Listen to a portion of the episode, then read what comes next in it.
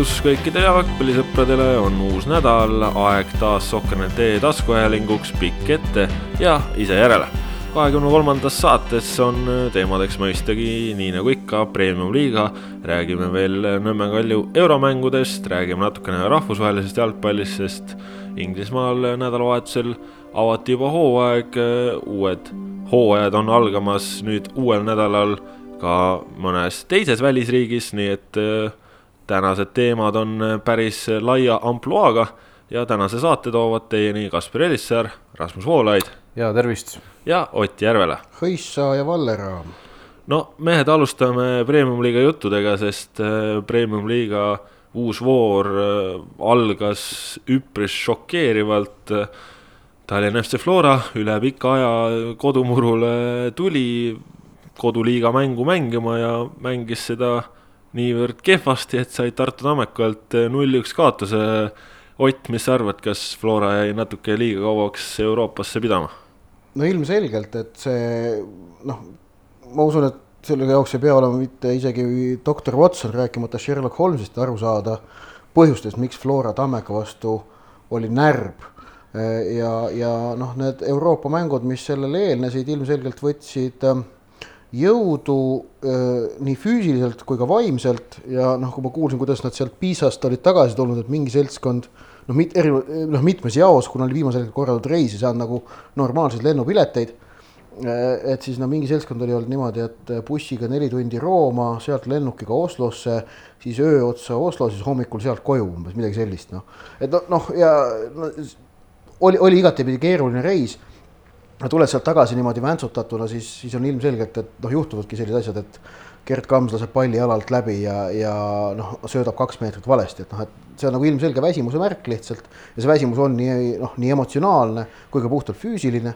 et äh, selles mõttes Flora sai nähvaka kätte selle Piisas peetud sõprusmängu eest lõppkokkuvõttes, et see, see on nagu tegelikult noh, järeldus ja Tammeka muidugi jällegi kasutas selle võimaluse väga hästi ära ja, ja noh, et ma, ma nagu lisaks sellele Florat on ju siin noh, nüüd nii-öelda nahutada või, või sõidelda, siis tuleb ikkagi kiita ka Tammekat, et et sellistel, sellistel hetkedel selleks, et need punktid ära võtta, peab nagu ise ka meeskond olema ja sisu näitama ja noh, Tammeka ilmselgelt sai sellega reedel hakkama, kusjuures veel foon ei olnud nende jaoks ju kõige toredam, sellepärast et see teisipäevane karikamäng Nõmme Unitedi vastu noh, ei olnud neil kindlasti mitte õnnestunute killast aga, aga siis tuldi ja tehti Florale noh, väga korralik äh, värk, et noh, kui, kui Nõmmel lõi Tristan Koskor palli Männi otsa kinni, kuhu ta ka jäi seal Männiku staadionil, siis nüüd Flora vastu näe lõi võrku. Jah, kes äh, ei juhtunud siis seda reedest äh, Flora ja Tammeka mängu nägema, siis noh, lühidalt kokkuvõetuna tegi Tammeka sisuliselt Florat ennast Eintrachti vastu, ehk siis Flora oli hädas natukene ja isegi mitte natuke, vaid päris palju just viimasel kolmandikul teravuste tekitamisega, õigete söötude leidmisega, Tartu Tammeka mängis ülimeeskondliku mängu, ülikompaktse mängu kaitsefaasis. noh, ütleme kõik mehed olid täpselt nende kohtade peal, kus Kaido Koppel oli, oli neile enne mängu öelnud, et nad olema peavad. Ja tõesti hästi hinget-, hingestatud esitus mängisid väga julgelt palliga, surve all mängisid väga julgelt palliga. Äh, kontrarünnakud olid äh, okeid ja, ja tõesti noh, justkui nagu Flora enda relvaga mõnes mõttes äh, selle mängu ära võitsid, et esimene poolaeg oli kindlasti selline, kus oli Tammekal rohkem momente kui Floral endal, kuigi Flora valdas suurema osa ajast palli ja teisel poolel ka ütleme, Floral hakkasid momendid tekkima alles täitsa mängu lõpus, siis kui noh, otsiti, otsiti, aga, aga tegelikult ka siis ei suudetud Tammekale veenvat survet peale panna ja, ja Tammeka poolt ikkagi noh, maagiline esitus, võiduvärava lõi siis Tristan Koskor, sel hooajal esimene premium-liigas, nii et äh, saame nüüd näha, kas Koskor hakkab äh, seda meeskonda tassima ka vajalikul määral, ise ta pärast mängu ütles ka, et tal olid siin enda poolt äh, pandud omale pinged peale, sai nendest lahti karikamängus Nõmme United vastu, kus siis ka ülejääl ühe värava lõi, kuigi oli eelnevalt enda sõnade kohaselt kolm sajaprotsendilist raisanud ja, ja nüüd siis tuli ka see värav, muidugi värav, kes ei ole näinud, soovitan vaadata, suurepärane kombinatsioon seal Kapper, Šlašov, Soomets, Koskor, ilusti mängitud ja, ja tõesti Tammeka, kes siin vahepeal oli juba tabelis viimaseks langenud, siis nüüd ollakse viienda koha konkurentsis Narva Transiga äh, on nendel ees ka järgmine mäng järgmises voorus, nii et äh, Tammeka on Tammeka elus. Tammeka on minu meelest tõusnud vormi ja toonusesse. et noh, nad võivad reaalselt rääkida eurosarja koha püüdmisest, seda siis noh, see võimalik neil läbi karikavõistluste. et praegu seisuga on küll Tammeka selline, et noh, et noh, neil järgmine ring karikas nüüd said nad minu meelest Sant- või selle Leegioni duubli vastu vist. Et noh, on ju, mis noh, peaks olema on ju selline lihtne vastane ikkagi. Aga isegi kui neil nagu loosiga edaspidi ei vea ja nad saavad mingid premium-liiga tipud vastu, siis sellel Tammekal pole mitte mingit põhjust midagi seal karta, vastupidi, nad võivad minna neid mänge niimoodi noh, mõnu ja isuga mängima ja, ja ma usun, nendel nagu premium-liiga tippudel on põhjust nüüd mängude, mänge Tammekaga hakata üha rohkem pelgama. seda näitasid nad juba ju eelmisel karikahooajal, ehk siis selles faasis, kui nad tegelikult sel aastal veel kehvad olid mm, -hmm. kui nad mängisid ju Kaljuga võõrsil ja lisaajal lõpus murdusid, et äh, siis noh, näitasid, et äh, nende ühe, üheks mänguks, karikamänguks nad on väga hästi suudavad ennast kokku võtta. jah, et ja kuigi hooaja algus oli Tammekal kehva äh,, on ju noh, erinevatel põhjustel, siis tegelikult nüüd me näeme seda, et, et suures plaanis see protsess, mis on Tammeka klubis käima pandud, on ikkagi, paistab, et ikkagi on tulemuslik et see, see võistkond areneb nii mängijad individuaalselt kui ka võistkonnana tegelikult arenetakse ja noh, selles mõttes neid on praegu väga sümpaatne vaadata. ja sealt alt tuleb kogu aeg, kogu aeg tuleb peale ka. et vaadake jah, kuidas Tammeka duubel mängib esiliigat. ja nad panid ka eile Flora duublile ära. panid, panid Flora duubli ära, just jah. Rasmus, arvestades, et Eestis on kõik sedasi, et kõik, mis järgneb jaanitulele, on seotud juba jõuludega. kas siis võib öelda, et Tristan Koskor ja Markus Soomets on korralikud jõulukingid olnud Tammekale? jah, põhimõtteliselt tegelikult ju võib ka jaanipäeva kingituseks Koskorit veel liigitada, kuna siis ta oli juba tagasi, kuigi Soomets oli ka vist siis juba, oli juba Tammekas olemas trennis, aga aga no suured kingitused on küll ja kui eelmisel, eelmisel nädalal täpselt samal ajal arutasime, et eh, see, see oli kõigest Maardu, kelle vastu Soomets tegi, siis nüüd ta tegi Flora vastu, me, meie valisime vist parima, parimaks mängijaks ta enda, enda luubis isegi. seda ei mäleta. Meinart tegi seda vist, vist pani mängu parimaks Soometsa, et äh, et jah, ma kardan, et samas kui jõulukingitust on, aga jõuludeni ta ei jää ikkagi Tammekasse. ma lihtsalt selle Tammeka duubli kohta korraks tahtsin öelda veel ühe asja huvitava juurde, et esiliiga tabelit vaadates Tammeka duubel edestab Levadia duublit neljateistkümne punktiga. see on minu meelest väga kõnekas asjaolu. Eh, noh, Levadia duubel on siiski olnud eh, noh, traditsiooniliselt esiliigas tugev, tõsi, noh, viimastel aastatel li liikunud küll natukene langustrendis, aga praegu see Tammeka duubel on Levadia duublist nagu noh, klassi võrra kõrgem. see on äh, kvaliteedimärk, mis ikkagi räägib äh, noh, Tammekas tehtava töö just nimelt heast kvaliteedist. tõsi, noh, samamoodi võib see olla nüüd ka Levadia, Levadia noh, parajasti on ju mingisugune nõrkus, aga noh, ma ei usu, et Levadias niivõrd suurel, suur drastiline langus saakski siiski noh, aset leida, et, et pigem on see nagu ikkagi jah, kompliment Tammekale, ma ütleks. ja seoses mänguga kui siin oli Oscarist ja Soometsast juttu, siis mina tahaksin eraldi kiita Reio Laabust. täiesti fantastiline jalgpallur, see, mida ta reedel Lillekülas tegi, see oli imetlusväärne. ütleme, kes seda mängu ei vaadanud, siis soovitan järele vaadata, Sokkernetis seda teha saab. ja samuti tahaks kiita Sander Kapperit, kes on äh, Tammeka mängus ülioluline, kelle võitleja hing on äh, eeskujuks kõikidele jalgpalluritele ja kui sa edasi mängid, siis ühel hetkel tulevadki head tulemused. aga lähme edasi järgmise mängu juurde, oli veel reede õhtul üks äh, üllatus, äh, natukene väiksem üllatus, kui see oli Tammeka ajaloo kolmas võit FC Flora üle. Äh, aga siiski, Tallinna Kalev alistas võõrsil üks-null FC Kuressaare ja Kuressaare on praegu päris suures möönas, seevastu Kalev jõudsalt tulemas ja Rasmus, mis Kuressaares lahti on? seda ma ei tea, mis Kuressaares lahti on, kui need kõik need äh, mõõnad, mõõn on tegelikult igati loogiline. see oligi väga-väga raske graafik, mis nüüd selja taga on, aga mis nüüd äsja ka läbi sai Kalevi mänguga, et nüüd oleks pidanud justkui äh, tõus tagasi tulema ju nii-öelda, aga, aga kui võib-olla oli see üleminek oli võib-olla natukene liiga raske. Et olid siin väga-väga palju nii-öelda tippmeeskondadega, esimese poole meeskondadega järjest siin madistati. Ja nüüd siis kohe Kalev, kus äh, nii-öelda hoobilt tekkis neile võidukohustus võib-olla.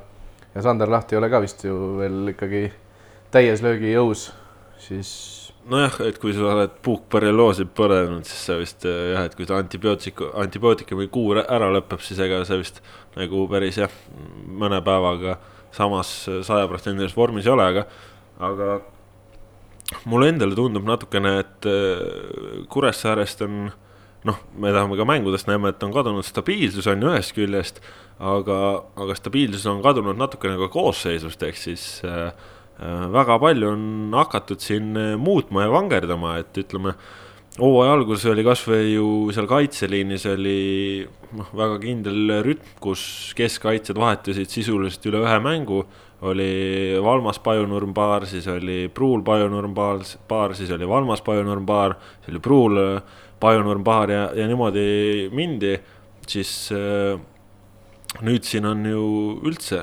proovitud täitsa erinevaid asju ja, ja nädala, noh, eelmises voorus siis oli, oli Rauno Tutk oli keskkaitsesse mehitatud ja Elari Valmas võistkonna noh, üks kaptenitest ja oli üldse koosseisust väljas ja noh, ütleme siin ettepoole on ju nüüd kõvasti täiendusi toodud ja, ja see tähendas ka, et kogu, ütleme, edurivi oli siis uue näoga, et natukene on võib-olla selline võistkonna sees stabiilsus ära kadunud ja, ja noh, selle arvelt võib-olla on natukene raskem leida ka sellist ühtset jõudu. Ott, kuidas sulle tundub? nojah, ei no kõik, mis sa räägid, on täiesti loogiline. et, et nii see on ja ja samas jällegi Kalevil on noh, ütleme, me oleme ju näinud ja hooaja jooksul rääkinud, Kalevil on nagu teatud positiivsed signaalid ikkagi olemas nende mängus, et et lihtsalt nüüd juhtus olema selline päev, kus need, kus need tõid ka need kolm punkti tabelisse, on ju, mis neile väga-väga ära kulusid. et see tabeli tagumise otsa võitlus siin hooaja lõpusirgel läheb ikka veel väga põnevaks kätte, et seal nagu on väga keeruline mingeid lõplikke seisukohti võtta kellegi kasuks või kahjuks. ja kusjuures äh, tegelikult, äh, kui siin äh, Flora puhul sai räägitud, et nende mängu võis mõjutada see reisimine ja väsimus, siis noh, teatav niisugune sarnasus võis olla ka Kuressaarel, ehk siis Kuressaarel juhtus ka enne mängu selline asi, et, et need mängijad, kes tulid Tallinnast, ehk siis need, kes siin pealinnas töötavad ja, ja kes äh, õpivad ja elavad, et, et kes läksid reedel Tallinnast mängule, siis äh, see buss, mis oli nendel tellitud, see bussifirma oli unustanud broneerida laevapiletid ja Kuressaare osa mängijaid siis jõudsid staadionile noh, suurusjärgus kakskümmend viis minutit enne matši avapilet. ehk siis ka hiljem äh, Kalevi mängijatest, et kui seal jäi osadel mängijatel soojendus väga poolikuks, siis noh võib-olla sealt natukene ka, ka tuleb, et, et ongi ühel hetkel sa ei olegi enam nii hästi mängus sees ja, ja korralik soojendus jäi tegemata siis saab ka kops kiiremini kinni joosta. selline asi, kui Tallinna Dünamo mängis, äkki see oli aasta kaks tuhat viis või kuus, kui nad kõrgliigas mängisid oma ühe hooaja. Nende hooaja meelest esimene mäng oli Tartus, oli Tamme staadioni kunstmurul. kas see oli siis Maag või see oli Tammeka või see oli Maag Tammeka, seda ma ka täpselt ei mäleta. aga igatahes nad alustasid mängu arvulises vähemuses sest et kõik vennad polnud kohale jõudnud siis mingi umbes kümme minutit oli mängitud, siis sõitis mingi auto sinna Tamme staadioni kunstmuru sinna otsa, kus on see nagu, mis jääb nagu raudtee poole, on ju see, kus otsevärav on? ja noh, toona ei olnud seal mingit väravat, toona oli seal aed ja siis mingi vana hüppas sealt autost välja, ronis üle aia, jooksis vahetuspingi juurde, ajas särgi selga, palus kohtunikul luba väljakule tulla, tuli mängima. ja see mäng lõppes, kui ma ei õigesti mäletan, mingi üheksa-null Tammekale, midagi sellist lõpuks on ju. see oli, see, see, see, see oli siis äkki kaks tuhat viis ikkagi jah, või kuus. oli, oli vot, no selline asi tuli meelde praegu lihtsalt selle jutu peale, et. aga no ja, et see bussivärk jama, noh, mis seal ikka. või ka Lahega vist oli mul eelmine aasta niimoodi, et äh, mina olin valmis juba kommenteerima, circa kolmkümmend minutit oli mänguni, siis järsku ka Sander Laht tuleb mul selja tagant välja, jookseb niimoodi kiirelt, kiirelt, kiirelt sooja tegema. ja pärast mängu, kui tahtsin temaga intervjuud teha, siis oli samamoodi sama vabandus, et kuule, mul jube kiire, viimane praam kohe läheb, et võta keegi teine.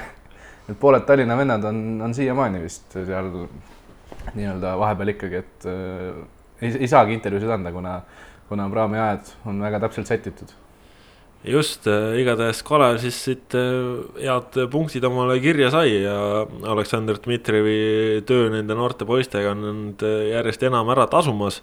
aga läheme edasi laupäeva juurde ka, ütleme siis vooru eeldatavalt üks suuremaid mänge olema ta pidi, Narva Trans, FCI Levadia. Levadia selle mängu kolm-üks võitis, Ott, sina seal Narvas kohapeal olid ja seda Narva Transi hümni kaasa said ümiseda. oi, poolel tehti täitsa ju praasnikud seal, pandi ikkagi, oli eeslaulja kohale toodud, minu arust see laulu solist. ja siis pandi seal kõllidest, lasti nagu laulu ja see oli niimoodi, et solist laulis salmi ja siis publik pidi laulma äh, seda refrääni, et äh, Narva Trans, Narva Trans, Narva Trans ja niimoodi käis, väga hästi toimis, kõigil oli väga lõbus olla ja see solist võttis seda ikka noh, siira vaimustusega. et seda oli nagu vägev vaadata ja noh, et ütleme nii, et viis isegi korraks mõttest ära on ju Nublu uusima hiti, et это жизнь, это karma, привет, город Narva. äkki see eeslaulja oli Gameboy, kellega Nublu selle laulu koos? ei olnud, selle ma oleks ära toonud, ma olin seda videot vaadanud ennem, ei olnud see Gameboy Tetris. Gameboy Tetris, Pavel P on vist tegelikult üldsegi hoopis Lääne-Eestist Haapsalust pärit ah., ei pruugi päris sada protsenti kindel olla, aga umbes sihuke aimdus mul on väga huvitavaid äh, nüansse ja fakte tead sa, Kaspar, kas käisid ka nädalavahetusel Elvas räpifestivalil, mille kohta võib tänasest Õhtulehest lugeda noh, ülimalt siilikamakat reportaaži? Äh, ei käinud absoluutselt Huvitav, mitte, mina. noor inimene, miks sa ei käinud? Sellepärast, et ma, ma ei ole käinud EF-il mitte kordagi, kuigi äh, tahes-tahtmata, eks ma kuulan igasugust muusikat, aga reede õhtul mina kommenteerisin äh, Lillekülas premium-liigat, laupäeva õhtul mina kommenteerisin Lillekülas naiste meistrite liigat, nii ehk minu nädalavahetus kulges väga töiselt. ja loe Õhtulehest Keidi Raua reportaaži ja saad teada, millest sa ilma jäid. nüüd ma räägin sellest, millest mina ilma ei jäänud, sest ma olin Narvas lisaks sellele poole kontserdile oli siis tegemist sellise jalgpallimänguga, kus Narva Trans suvatses mängima hakata alles kuuekümnendal minutil. sellest alates peale nad tegid seda ikkagi päris hästi, lõid ühe värava, oleks tegelikult võinud lüüa, seal noh, võimalusi oli veel mõneks. aga esimesed kuuskümmend minutit oli siis Narva Trans noh, loid ja kehv ja standardolukordades tähelepanematu ja oli null-kolm kaotus siis omadega, ehk mäng oli tehtud. ja noh, tõesti, et Levadia peatreener Aleksandr Rogic ütles mulle pärast mängu, et, et see võit on tema jaoks väärt nagu rohkem kui kolm punkti sel põhjusel. et, et isegi kui nad ei mänginud hästi, siis nad võtsid oma tasemega selle nagu selle mängu ära, on ju, ja. ja noh, võõrsil võit Narvas on ikkagi Eesti tippklubide jaoks jätkuvalt asi, mille saavutamine ei ole maailma kõige lihtsam asi, et, et Narvas seab omad sellised keerukused, seab see väljak Äh, noh, mis see Kreenholmi staadioni muru on, noh, on kõrge, on tihke, pall veereb seal teistmoodi natukene ja. ja see, see, see on natuke omapärane keskkond, kus mängida ka muudes aspektides. et noh, jah, ma, ma sellest kõigest, mis tsirkust, mis seal täna seal veel juhtuma hakkas ja mingitest tainepeadest, kes väljakul jooksid, et kes, kelle vend oli üks nagu taidlatest olnud, sellest ma rääkima ei hakka, et see jalgpallur pole selles süüdi, et tal selline vend oli, kes ennast täis olid lakkunud seal väljaku kõrval ja tsirkust korraldas. Äh, aga, aga jah, et Levadia jaoks kahtlemata see oli väga väärtuslik võit ja, ja noh, oli näha, et Levadia meeskond oli ka sellega väga rahul, et Andrei Leškin ja Viktor Levada olid mõlemad äh, Narvas mängu vaatamas. ja noh, juba vaheajal, kui seis oli kaks-null, jalutasid seal, patseerisid tribüüni ees edasi-tagasi ja mõlemal oli noh, ikka selline suur lai naeratus näol, et, et äh, ma ütleme Levadial äh, on põhjust isegi ettevaatlikuks optimismiks, hoolimata sellest Kabajevi juhtumist. et, et kui kohe pärast seda suudeti võtta selline keeruline võit Narvas äh,, siis, siis ütleme, Morelli on tõusnud vormi. Kando on olnud mõnda aega alavormis ja ma olen selles mõttes Rogici jutt on loogiline, kui ta ütleb, et ta eeldab, et Kando noh, peaks nüüd sügiseks uuesti jälle paremasse hoogu tõusma.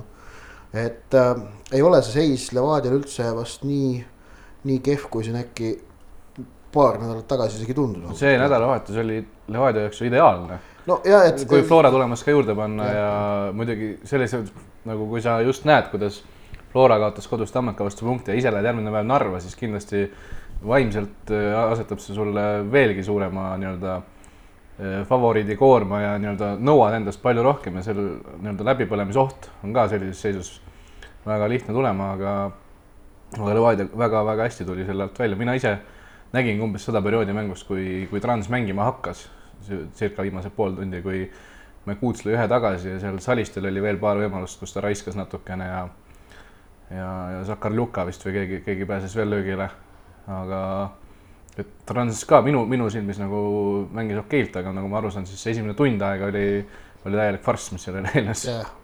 paha. aga Rasmus, arvestades, et Trans nüüd mängib järgmises voorus Tartu Tammekaga, mida sellest oodata võib? siin on jällegi hea soos Tammeka versus halva soos Trans, me nägime seda vastupidist, ei, siis oli ka Trans halvas vormis, aga, aga Tammeka tõus algaski ju tegelikult Narvas um, umbes. kui viis-kaks üle sõideti, siis oli Narva no täielik naljanumber seal väljaku peal. et eelkõige on Narval vaja seda vältida. et nüüd on vaja ise ka mängida ja ma arvan, et siis võib tulla selline väga-väga kõva mäng tegelikult reede õhtul Tamme staadionil, ma reede õhtused mängud on kuidagi Tamme, Tamme staadionil üldiselt või Tartu kodumängud on sellised äh, väga haaravad ja pingelised ja rahvast on ka päris palju, nii et ma arvan, et tuleb äh,, tuleb võrdne, pingeline ja kõva andmine väljaku peal. Aga vooru siis viimase mängu juurde ka, tulevik Paide Viljandis pühapäeval see matš peeti, Paide seal sai sellise kaks-üks võidu, Rasmus Taas, äh, see Paide võit taaskord näitab seda, et nemad endast nii-öelda sel hooajal väiksemate vastu suudavad mis tahes oludes ikka ja jälle kolm punkti ära võtta. ja ise ju tegelikult tehti endale päris suur karuteene, Martin Kase kinkis penalti, mis tema enda arvates ei olnud penalti, paljude teiste Paide mängijate arvates samamoodi mitte, aga minule tundus tegelikult ikkagi õige otsus. ja ja kui, kui seda Frolovi väravat poleks tulnud, siis äh, see, mis viimased kakskümmend minutit seal Viljandis toimus, viimased noh, kümme-viisteist vähemalt, reaalselt iga minut tuli ohtlik olukord Paidelt, iga, iga Paide rünnak oli üliohtlik. tundus, et tuleviku kumm oli vist suht tühi juba, aga, aga, aga tõesti, seal oleks ja mängu alguses oleks ka võinud juba esimene poolaeg oleks võinud selgelt Paidele kuuluda, et need olukordi oli peaaegu kümne väravaga, aga löödi kaks ära ja võeti võit ära. no oli seal natukene Alassane Jatast ka puudu, kes eelmisel nädalal äh, päris noh, mõnes mõttes ootamatult ruttu ikkagi Taani esiliigasse Viiborgi mängima siirdus. noh, ma arvan, et Paide mängus teda kindlasti igatseb, aga no väljaku peal seda eil, eile oli eile vist see mäng, eile seda nii hästi või nii elavalt välja veel ei tulnud, aga ma arvan, et siin hooaja teise poole lõikes läbivalt on seda ikkagi tunda, jah. noh, samas äh, teame ka ju seda, et äh, Paidel on juba testimas äh, uus kambe ründaja, noor, noor, noor väravkutt ja mine tea, võib-olla siin vaba agendina saab ju liituda, nii et võib-olla tuleb sinna uus jata nii-öelda päris kiirelt asemele ka Ott. Tulevikul on nüüd ka nagu natukene olnud selline raske periood, pole neid, pole neid äh, punkte tulnud äh, nii hästi ja, ja tabeliseis on ka läinud veidike keeruliseks. kuidas sulle tundub, kas nad äh, kogu selle, ütleme, muutuste keerises ka, mis on seal võistkonnas olnud ja nüüd noh, mängugraafik ka neil õige pea natukene inimlikumaks muutumas. Näed sa, et tulevik siit ikkagi hakkab veel tõusma? ei tea, ma arvan, et noh, nagu ma siin enne ütlesin, et see tabeli tagumise nelikuses võib suhteliselt nagu kõike juba nüüd oodata, et seal nagu selliseid ähm, kindlaid pidepunkte, millele saaks toetuda, minu meelest jäänud väga väheseks. nii, nii Kuressaare, Kalevi tuleviku kui ka Maardu osas, et äh, noh, ütleme nii, et tulevik, mis paistis seal mingil hetkel, et noh, seis on ikka noh, tõesti kenasti mängivad toimivad, selge on see, et nad on nüüd noh, on neil ka olnud sellised selged probleemid ja tõrked.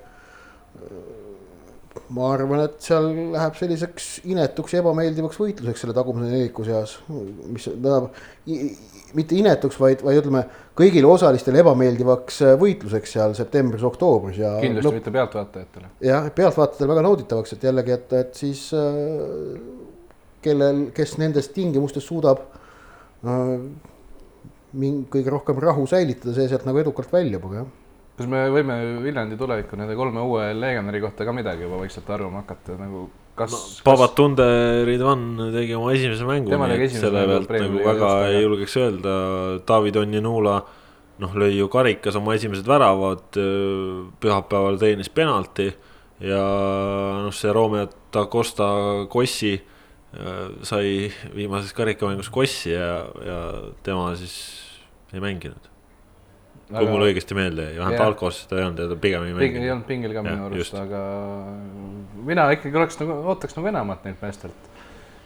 no Babatundele ma annan, jah, temale ma annaks natuke veel aega, aga, aga on ja Nuula no,. samas nad on seitsmeteist, kaheksateist aastased ju. no on, on jah, aga nagu no. sellistelt meestelt nagu väga palju oodata on natukene keeruline. no esmaemotsioon on pigem see, et ütleme, et seal on tehnilist pagasit, seal on äh, kiirust. lubavad kõik. aga mängust arusaamisega tundub olema ikkagi probleeme ja, ja just siis ütleme euroopaliku ja Viljandi tuleviku mänguga just, et et see noh, stiil on lihtsalt erinev ja ma arvan, et see võtab aega, et et kohaneda natuke siinse jalgpalliga, et noh no,. Kasvõi... ei ole ju väga vähe olnud ikkagi. ei no jaa, trenn versus mäng on ka ikkagi natuke erinevad asjad, et trennis, kui sa teed ka mingeid väikseid mänge ja nii, siis sa peadki seal veits ette võtma ja triblama ja. et noh, trennides ju üksteist üheteistkümne vastu mängu on nagu vähe, et. et jalgpallitreeningud üldiselt on pigem nagu väiksemate mängude peale üles ehitatud ja, ja muude nagu harjutuste ja, ja asjade peale, aga aga noh, ütleme näide kasvõi Kalevist, et Vale Musalli, kes tuli alguses noh, oli ka lubav, aga oli näha, et ikkagi nagu ei ole nagu väga hästi kohal, siis nüüd on kohanenud ära ja nüüd on juba ju Kalevi noh, sisuliselt kõige ohtlikum mängija, vähemalt praegu, kui Kevin Rääbis siin pole vahepeal natukene mänginud ja ei ole nüüd nii hea soos ja Hannes Annier on ka alles nii-öelda tagasi tulemas, et. Mussa Alli on pika puuga, ma arvan, seal jah, isegi, isegi kui need olek olemas oleks, siis nii ohtlikud nad vist ei oleks. no vaatame, saame näha, aga no,, aga tõesti. ma olen nõus, et nad on lubavad ja talendikad, aga väga-väga palju neil aega enam anda ei saa, no hooaja teine pool on selgelt käes juba ja. või noh, kui nad midagi ei tee, siis järelikult olidki mõttetud üleminekud, aga noh, ma veel ei hakkaks ütlema seda, et, et ma arvan, siit võib tulla veel nii mõndagi. aga läheme siit edasi Premiumi liiga juttude juurest natukene kaugemale, sõidame oma mõtetes Luksemburgi kus äh, Ott Järvela eelmisel nädalal ka kohapeal oli. Ott Järvela, sina tunnistasid äh, Nõmme Kalju kaotusmängu Tudelange'ile. Äh, meie tunnistasime seda mängu Sokkerneti otseülekande vahendusel. kuidas koha pealt see mäng sulle tundus? Mulle Eestis tundus, et Kalju ei teinud väga head mängu. see mäng nörritas, see nörritas just nimelt põhjusel, et et äh, Tudelange ei ole meeskond, kellele Kalju peaks tingimata kaotama. vaid tegemist on tegelikult ikkagi täiesti võidetava vastasega.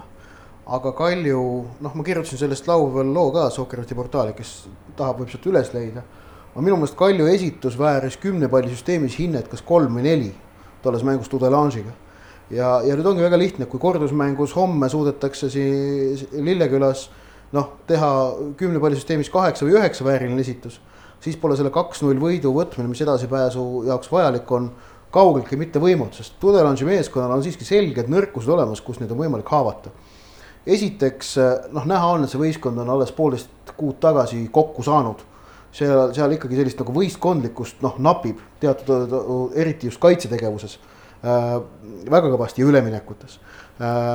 et noh, ründemäng on neil nagu parem, et see tuleb neil noh, tüüpide ongi, ongi sellised noh, tehnilised mängijad, kes on nagu harjunud sellist vutti mängima ja, ja noh, see, see tuleb neil nagu paremini välja. aga jah, et äh, poolkaitse ja kaitseliini vahel on tegelikult olid seal Tudelange'il ikkagi tohutud tühimikud, kuhu Kalju sai, teenis tegelikult päris palju pallikaotuste järel ka kontrirünnakuid.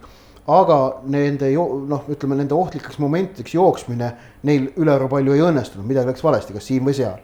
ehk et tuleb olla täpsem ja kontsentreeritum, siis on võimalik nendest midagi teha ja teiseks standardolukorrad, sest tegelikult ka Tudelange oli kõikide Kalju standarditega sisuliselt hädas.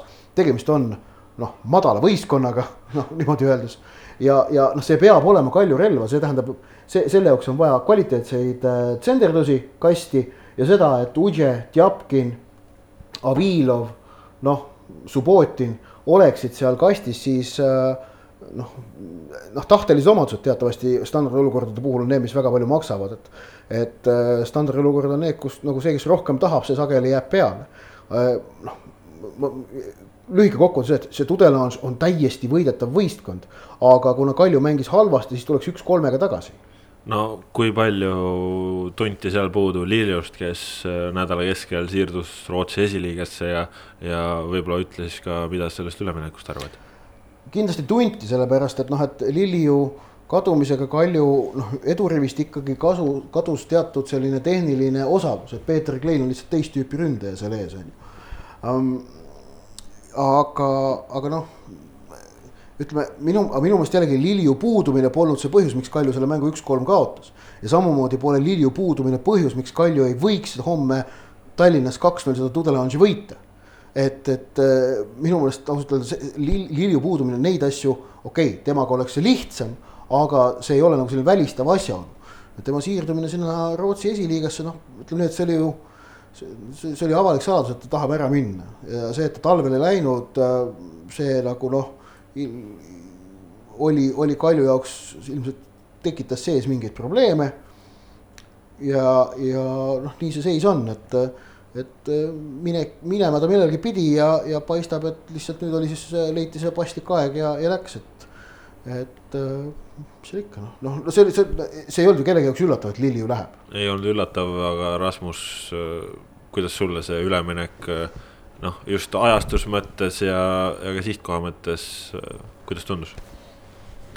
no lihtsalt mustvalgelt fakte vaadates, siis äh, äh, Premium-liiga valitsev parim väravakütt Rootsi esiliiga viimases, viimase koha meeskonda, niimoodi see kõlab natukene nagu samm tagasi võib-olla isegi, aga aga ma arvan, et tegelikult äh, oli see kõigile osapooltele parim lahendus, Liilu sai lõpuks äh, minema ja ja Kalju tõenäoliselt sai ikkagi mingisuguse summa ka sealt kätte, mida nad, mida nad tahtsid ja mida nad.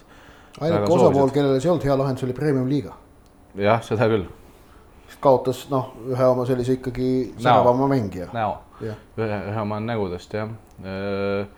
aga, aga Kalju mängu juurde tagasi tulles, siis esimesed kakskümmend minutit oli kuidagi noh, et vau, et täitsa, täitsa mängimegi, oleme võib-olla isegi nagu parem meeskond väljaku peal, Kalju, Kalju plaan toimus mängu valguses palju paremini, kui toimus, toimis Tudelange'i plaan, aga, aga mida aeg edasi, siis, siis just, just tegelikult enne seda esimest väravat, Ott, ma arvan, sa oled ka nõus, ei olnud ju Tudelange'il mitte ühtegi ohtlikku võimalust. aga see, see värav. see kakskümmend kaheksa kuni kolmkümmend viis minutit oli selline Kalju poolt totaalne krahh. selle ajaks oleks võinud Tudelange lüüa veel mõned väravad. seesama no, mees oleks võinud Kübar lüüa juba esimesel poole ajal, kes lõi seda teisel. just et, et, et oligi, et noh, selline mingi kindel periood, totaalne äralangemine ja seejärel jällegi normaalselt mängimine näitabki noh, et noh, tegelikult on see Tudelange täiesti mängitav vastane. ja see nagu noh, ma olingi nagu pettunud Kaljus just nimelt see, et noh, et tegelikult see soodne võimalus seal paistab, et lasti tuulde. väga hea, sa ütlesid eh, ka, et Tudelange on mängitav vastane.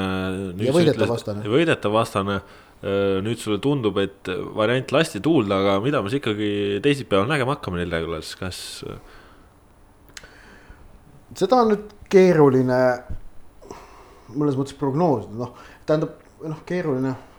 minu loogika ütleb, et, et äh, kuigi kah-, kuigi on vaja kaheväravalist võitu, kaks nulli, siis äh, jällegi ei, noh, õige lähenemine on siiski selline kannatlik lähenemine et kui ka vaheajal on seis null-null, aga mängupilt okei okay,, siis tuleb lihtsalt uskuda oma sellesse asja ja seda edasi teha.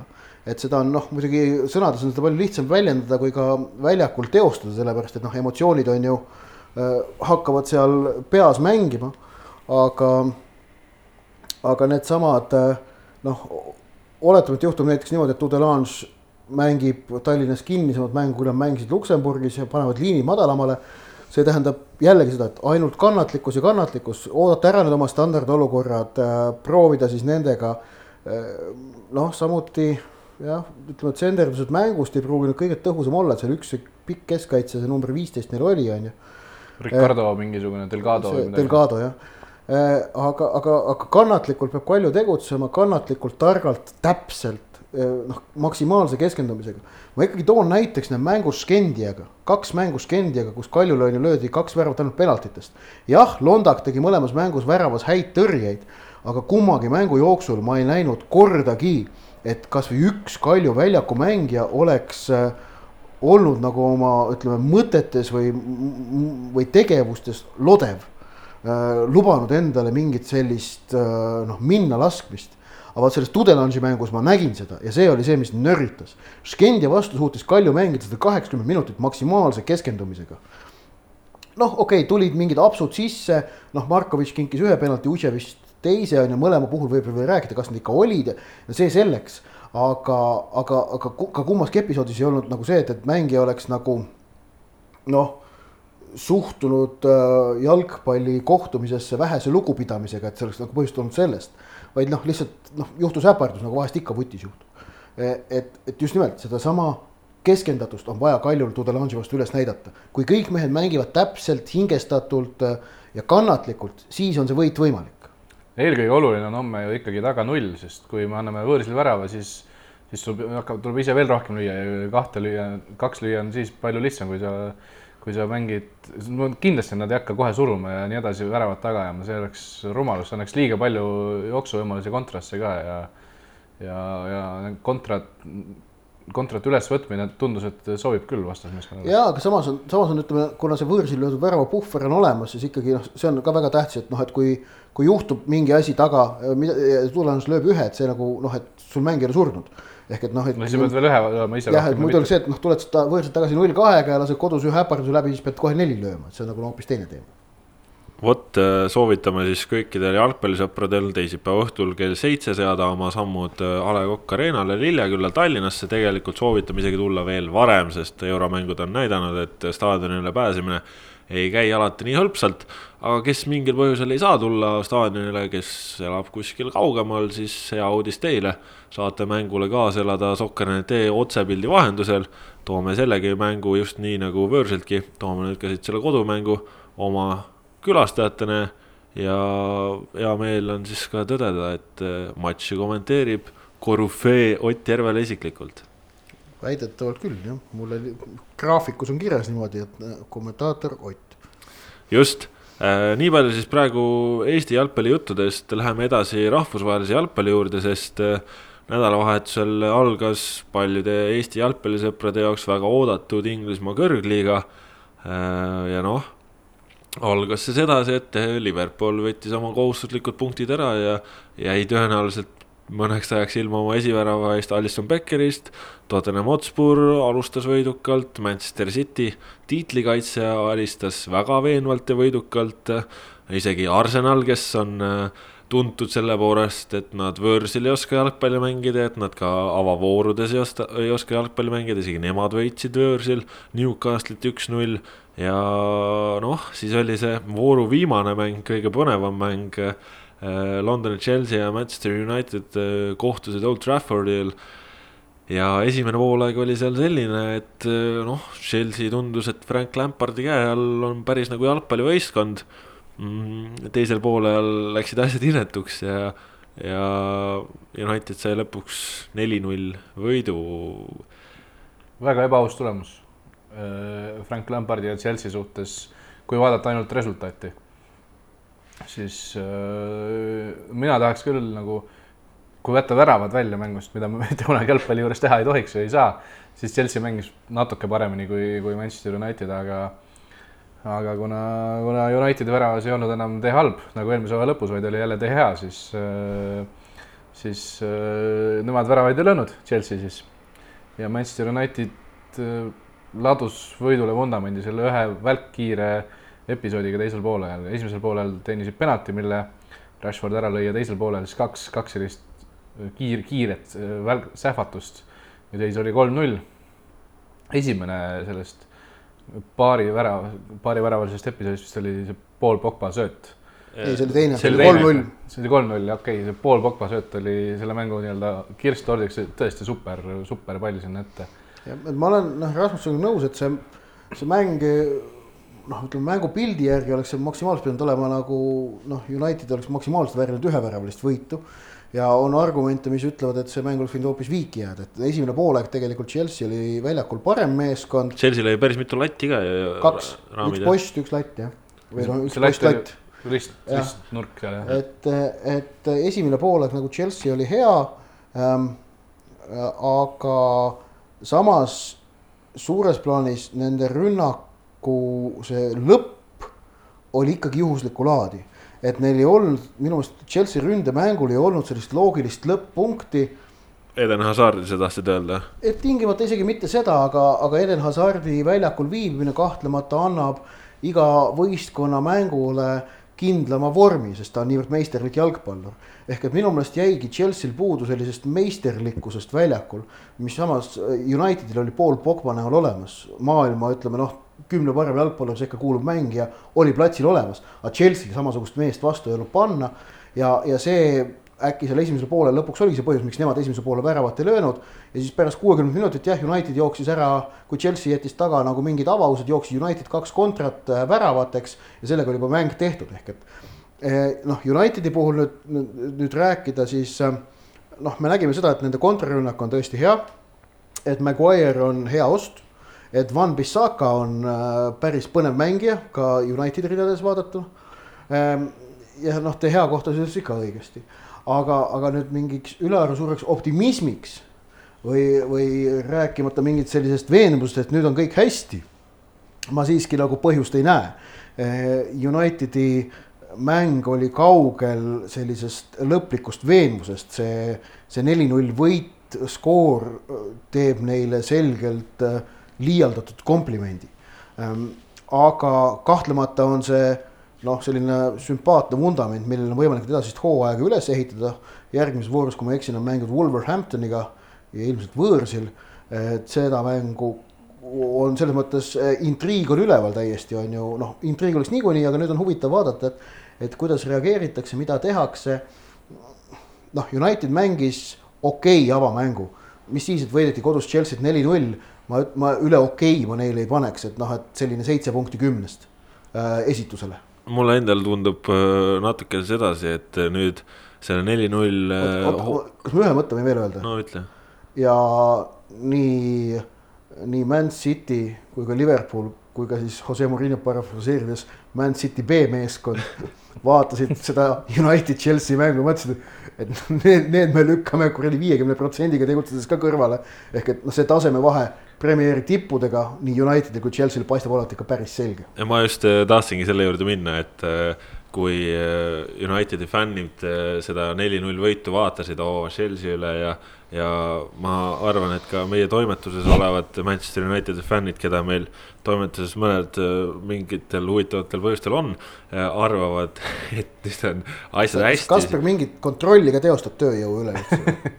no üritan, aga, aga Jah, nii on. valetati CV-des, ei pandud kirja ei seda. pandud kirja, siis äh, noh, tegelikult ju, kui me vaatame, noh, vaatame neid satse, vaatame, kuidas mängiti, siis äh, noh, täpselt nii nagu sa Ott ja Purega ütlesid ka, et äh, kui nad hakkavad arvama, et nad on nüüd tegijad, siis äh, ei, tulge maa peale tagasi, ei ole, sellepärast et noh, ka eilsed koosseisud olid. neljanda koha võib ära võtta, aga nii, nii noh, nii United kui Chelsea, aga kumbki neist eh, tähendab juba see, et me räägime sellest, et Unitedi või Chelsea jaoks oleks saavutus neljas koht, näitab seda, mis on nende praegune staatus ning teiseks ilmselt on ikkagi Arsenal neist mõlemast ees selles vallas. ja, ja huvitav on lihtsalt see, et kui ma neid algkoosseisud eile vaatasin, no see oli Twitteris oli ju üks, oli, oli keegi tegelane oli pannud mingi umbes kaheteist, kolmeteist aasta taguse Chelsea United mängu algkoosseisud ja, ja võrrelnud siis need, seda nende eilsete mängude algkoosseisudega.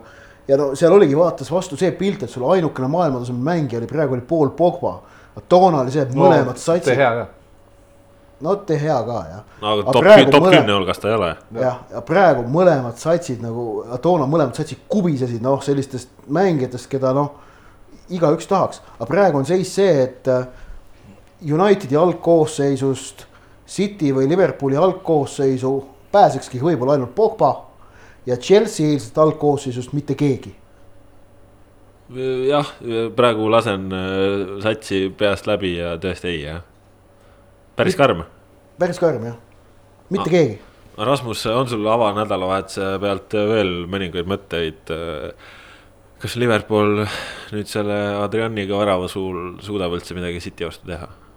Mm, jaa, see Liverpooli mäng oli kuidagi imelik vaadata, sest esimesed pool tundi Liverpool otsustas mängu ära, kolm-null oli kahekümne kaheksandaks minutiks. aga tegelikult mängiti väga loakalt kaitses. Norwichil oli, tekkis väga-väga palju võimalusi, selliseid poolikuid võimalusi, mida, mida. hääldus muuseas on Norwich. Norwichi. mitte, mitte mingit.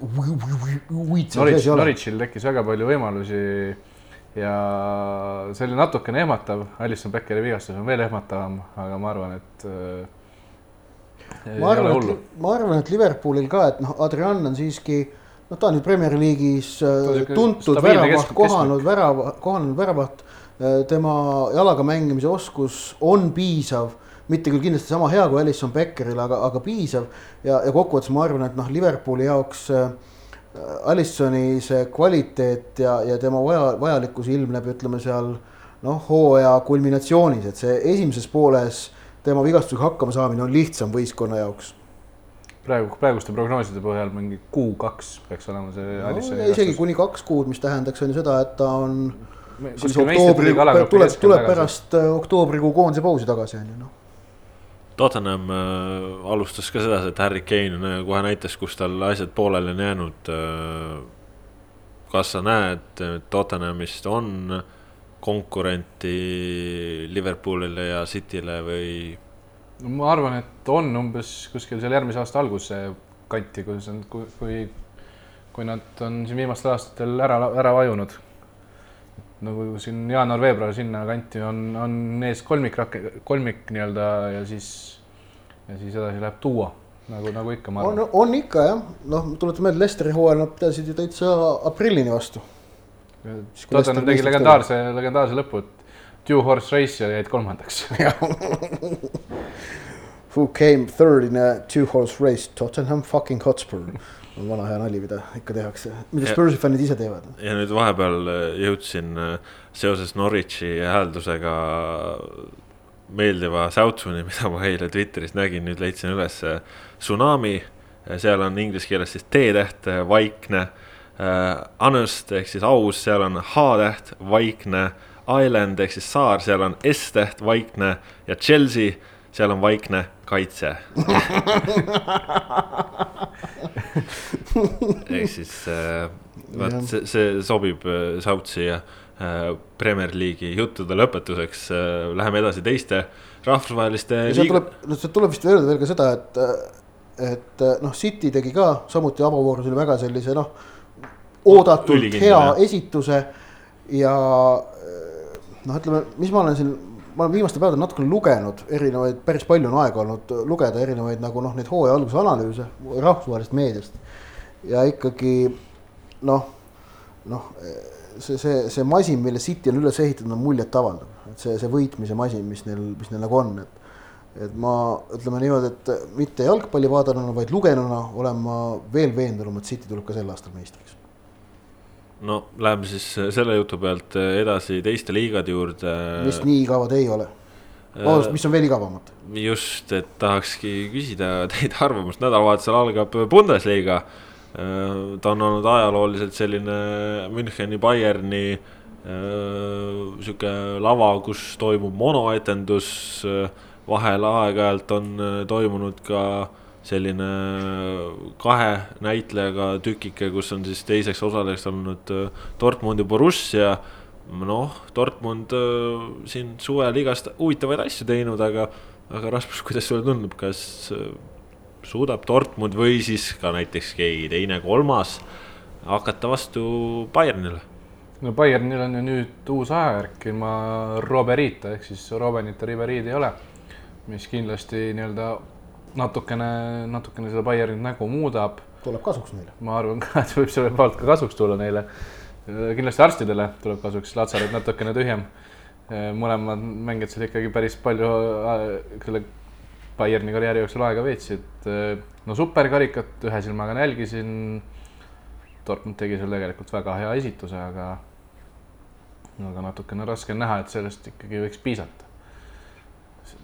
Et eh, ma arvan, et. noh, et just ongi, et eelmine hooaeg, kui Bayern oli nagu silmnähtavalt on ju kehvapoolne või noh, tegi oma standardite järgi sellise keskpärase hooaja ja Dortmund eh, oli ikkagi päris hea ja ikkagi jäi puudu, ikkagi jäi lõpuks puudu et noh, see noh, seal on juba puhtalt selle harjumuse murdmine on, on teiste jaoks sellise ilmselt seotud mingisuguse vaimse plokiga juba ja ja noh, see on, see on väga suur probleem Bundesliga jaoks, samamoodi nagu Juventus ülemvõim on väga suur probleem Serie A jaoks ja, ja BSG ülemvõim Prantsuse kõrgliiga jaoks on ju. et see, see selline noh, ütleme minu jaoks nagu automaatselt noh, ma ilmselt ei vaata Bundesliga't kuigi palju algaval hooajal. ma, ma vaatan ilmselt mõned üksikud mängud, ma nagu ei näe seal sellist olulist intriigi, miks ma tahaksin seda liigat väga jälgida. Et noh, kuigi mul on Eurosport kahe pealt on ju need mängud tulevad kenasti kätte. samamoodi on ju siis noh, TV Play poolt pealt saab on ju Inglismaad vaadata ja, ja Hispaania on, ju jätkuvalt Setanta peal olemas. et noh, mul need kolm nagu tippliigat on kõik nagu, kõik tähtsad mängud on ju olemas aga ma arvan, et Bundesliga jääb seal nagu väga kindlalt ja pika puuga kolmandaks selles, selles puhtalt selle mahu osas, mida ma kavatsen neid vaadata, sellepärast et suures plaanis ma näen seal no ikkagi intriigi, vähest intriigi, et noh, kõik see on ju, mis väljaku kõrval toimub, see on Bundesliga-s super. me kõik teame seda, me oleme seda näinud, mõned meist on seda kogenud koha peal, aga, aga, aga jah, et see, see väljaku peal, see suur intriig võitja osas, noh, et no ei, no ei ole seda põnevust, isegi kui, isegi kui juhtub Inglismaal see, et City on jõuludeks mingi kaheksaga ees, et et seal ikkagi seda põnevust ja neid võitluskohti äh, ja võitluses osalejaid on, on ju rohkem, et seal nagu see põnevus püsib ikkagi. Eelmise hooaja lõpus oli ka ju, Dortmundil oli mitu suurepärast võimalust. Bayern natukene vääratas ja siis nad näitasid seda, kuidas ise suudetakse veelgi rohkem nii-öelda natukene seda latti maha ajada, sest mitu, mitu vooru järjest seal kuskil, seal on kokku vist kolmkümmend neli vooru, ma arvan, et kolmkümmend kaks, kolmkümmend kolm voorud. Marko Rois sai mingisuguse punase kaardi näiteks, Dortmundi kapten, kõik, kõik, kõikidel meestel nagu see vaimne pool ikkagi ei tulnud järgi ja nad ei, nad ei saanud selle võidu, võiduvõimalusega hakkama. vot, äh, tundub, et siis Saksamaa osas äh, on praegu siin kolleegiumi ühine arvamus, et äh, Bayern taas meister. ja, ja muidugi. kahjuks või õnneks küll no aga läheme siis ühe järgmise liiga juurde, kus on neid tiitli pretendente natuke rohkem ja mis ka uuel nädalavahetusel algab. juttu on siis Hispaania kõrgliigast La Ligast Äh, läheb seal uuesti vanker veerema, läheb veerema siis olukorras, kus äh, FC Barcelona on valitsev meister ja noh, ütleme, et kuigi neil on seal kaks suurt äh, konkurenti, Real ja Atletico Madridi näol, siis noh, see suvi on olnud ju Barcelona jaoks selline, et noh, vähe suurima täiendusena liitus meeskonnaga Antoine Griezmann Atleticost. Ja noh, ma ei tea, sisetunne on küll kuidagi selline, et, et Barcelona ilmselt võidab jälle meistritiitli. noh, pannes siia juurde ka selle, et noh, Atletico on ju noh, suures osas täiesti uue näoga no see nägu tundub päris põnev. see nägu tundub Just, tegelikult see, põnev. see on, see on vaata Hispaania osas äkki minu jaoks kõige huvitavam, milliseks osutub see uus Atletico et äh, praegu siin ütleme, hooaja ettevalmistuse jooksul on mängitud, äh, ma ütleks, et isegi nagu väga julgustavalt hästi. ehk siis äh, tõesti nagu just see, et me ütlesime, et see tundub põnev, siis ka nagu väljaku peal näidatu on olnud põnev ja, ja tegelikult võib-olla ongi, ma ütleks, Atletic on võib-olla isegi nagu tänase seisuga äh, Barcelonale suurem konkurent kui Real seda on. sellest ma võin ka rääkida, miks ma nii arvan, aga, aga tõesti Atleticul siis noh, kaitseliinis suured muudatused äh, ette nüüd äh, Griezmanni asendama Joe Felix. ma ei, ma ei usu, et nad halvemaks läksid, jah. kes on tulnud nagu huvitava pauguga ja ja kes vähemalt eh, treeningmängudes on näidanud head minekut, nii et kindlasti Atletico on ka hästi selline huvitav sats. mul kolm küsimust, mis minu jaoks on Hispaania hooajal siis huvitavad. üks, kuidas hakkab, hakkab toimima Antoine Griezmann ja Lionel Messi koostöö? ehk et noh, kuidas tegelikult on ju Griezmann sobitub Barcelonasse. kaks, mida suudab Atletico, kolm, kas Zidane on hooaja lõpus veel peatreener? Äh, jah, see Real Madridi asi on küll praegu selline, et äh, siin on suvel kulutatud raha, on toodud ründesse Luka Jovic, on toodud Eden Hazard, on toodud Brasiiliast Rodrigo, on toodud kaitsesse Lyonis Verland Mendi, äh, kaitsesse toodud veel Portugalist Eder Militao, aga noh, ma ei tea ma olen vaadanud neid hooajalisi treeningmatše ja Real Madrid on lihtsalt iseenda hale vari. kaitsemäng on totaalselt puudulik, seda ei eksisteeri. selles valguses on Zidane viimases kahes mängus proovinud mängida kolme keskkaitsega äh,. ei ole töötanud väga hästi, ehk siis vastased on saanud ikkagi variante ja tal on päris palju peamurdmist, mida teha, eriti praegu olukorras, kus ütleme, et edurivi on ka muutunud ja edurivi on muutunud oluliselt laisemaks, ehk siis Edena Saart kaitsefaasis võistkonna mängu ei panusta. Luka Jovits minule üllatuslikult kaitsefaasis mängu ei panusta Vinicius Junior kaitses faasis mängu väga palju ei panusta ja üks eelnevaid panustavaid Karim Benzema, kes on olnud selles vallas väga tubli. tundub, et äh, talle on ka see halb mõju külge hakanud, ega treeningmängudes tema pole kaitsefaasi sisuliselt panustanud, ehk siis äh, Real Madridi mäng on praegu muutunud selliseks, et on kolm-neli ründajat, kes ei tee ees mitte midagi. kes ei alusta vastaste suunamist, kes ei alusta käikude kinnipanemist ja seetõttu siis äh, saavadki vastased väga kiirelt äh, vastase väljaku poolele, väga kiirelt vastase viimasele kolmandikule ja seal üks-üks duellides lihtsalt lüüakse väravaid, lüüakse peale. ehk siis siin Zidane'il on ülipalju mõtteainet, mida siin teha hooaja alguses on jäänud äh, nädal, vähem veel, ehk siis seda aega sisuliselt enam ei ole. ja, ja tundub küll natuke sedasi, et. Äh, et Real võidab meistrite liiga ma ei, no reaalne. kõlab nagu niimoodi, et, et reaalne on, et kui hooaeg, kui, kui on suured raskused ja erinevad probleemid, siis asi päädib sellega, et nad võidavad meistrite no,. kui ja kui Zidane on ametis ka. jah, ja kui Zidane on ametis. tõenäoliselt nad siis võidavad võib-olla isegi selle Hispaania liiga, aga noh, praegu on seda hästi raske näha ja, ja tegelikult noh, see võibki alati ju vastupidine olla, et kes mängib suvel hästi, et see ei pruugi hooaega hästi mängida ja nii edasi, aga igatahes praegu on neid murekohtasid on väga palju.